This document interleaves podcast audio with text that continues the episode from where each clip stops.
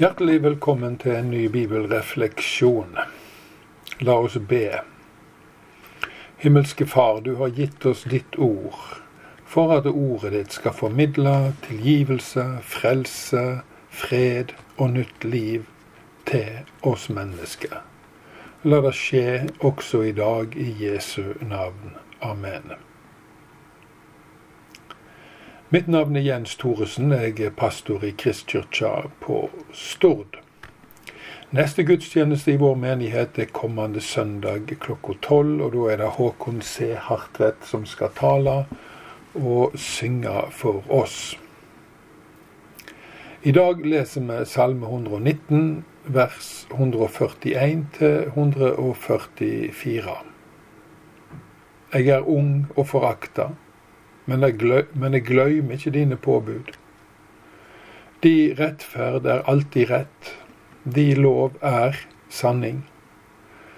Nau og trengsel har kommet over meg, men jeg fryder meg over dine båd. Dine lovbåd er alltid rette, gjev meg skjønn så jeg kan leve.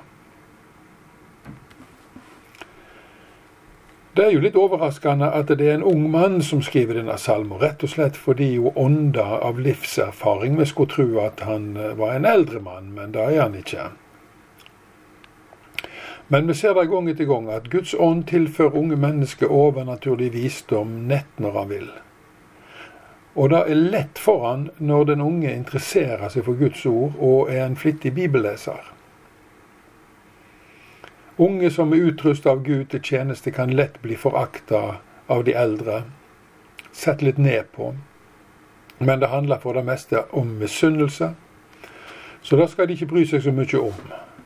Bare behandle kritikerne sine med respekt. Derfor så skriver Paulus til Timoteus at han ikke må la noen ringeakte ham fordi han er ung, men gå framfor de alle som et godt eksempel. Og så ber han også Timoteus om å vise de eldre respekt i sin omgang med dem. Vers 142 er jo viktig. Det Gud sier, er rett. Det er alltid rett. Og det han sier er sant, er alltid sant. Ikke bare for ei tid eller i visse situasjoner. Det er ingenting som heter min sannhet og din sannhet. Vi kan ha hver våre meninger, det er noe annet. Men sannheten er heva over meningene våre alltid. Og mellom dem er Guds lover. De er alltid gode og sanne for alle. Og Det samme gjelder Guds løfter, Guds evangelium, som sier at de som bryter lov og blir frikjent, ved å vende om og tro på Jesus og hans frelsesverk. Det er like sant som om at det går et jernbanespor fra Bergen til Oslo. Og naturligvis andre veien. Vers 143. Salmisten opplever nød og trengsel uten å spesifisere hva det er for noe, og det kan være så mangt, men midt oppi dette fryder han seg over Guds lov. Guds ord er så mye større enn det vi opplever. Og salmisten lar ikke det han opplever, bestemme hvordan han skal leve, eller hva valg han skal ta. Da er det Gud og hans lover som bestemmer.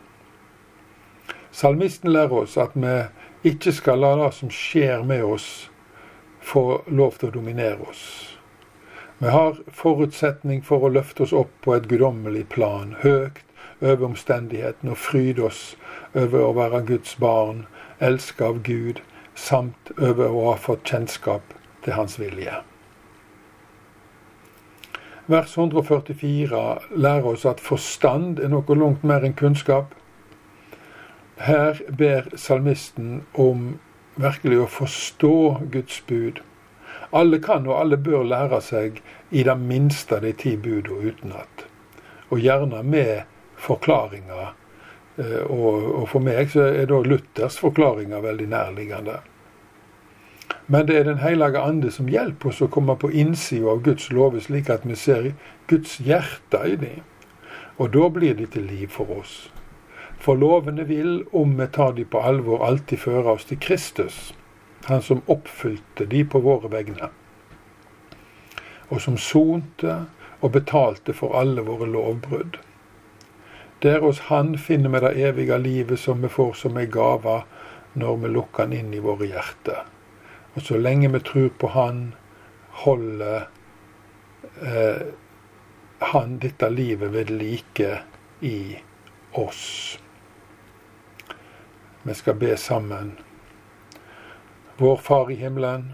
La navnet ditt helgas, la riket ditt komme. La viljen din råde på jorda så som i himmelen. Gi oss i dag vårt daglige brød, og tilgi oss vår skyld, som vi òg tilgir våre skyldnere. Og la oss ikke komme i freisting, men frels oss fra det vonde, for riket er ditt, og makta og æra i all eva. Så må Herren velsigne deg og bevare deg. Må Han la sitt ansikt lyse over deg og være deg nådig må Herren løfte sitt åsyn på deg og gi deg fred. Takk for at du tok deg tid til å lytte til Guds ord og delta i bønner. Og så får jeg bare si på gjenhør.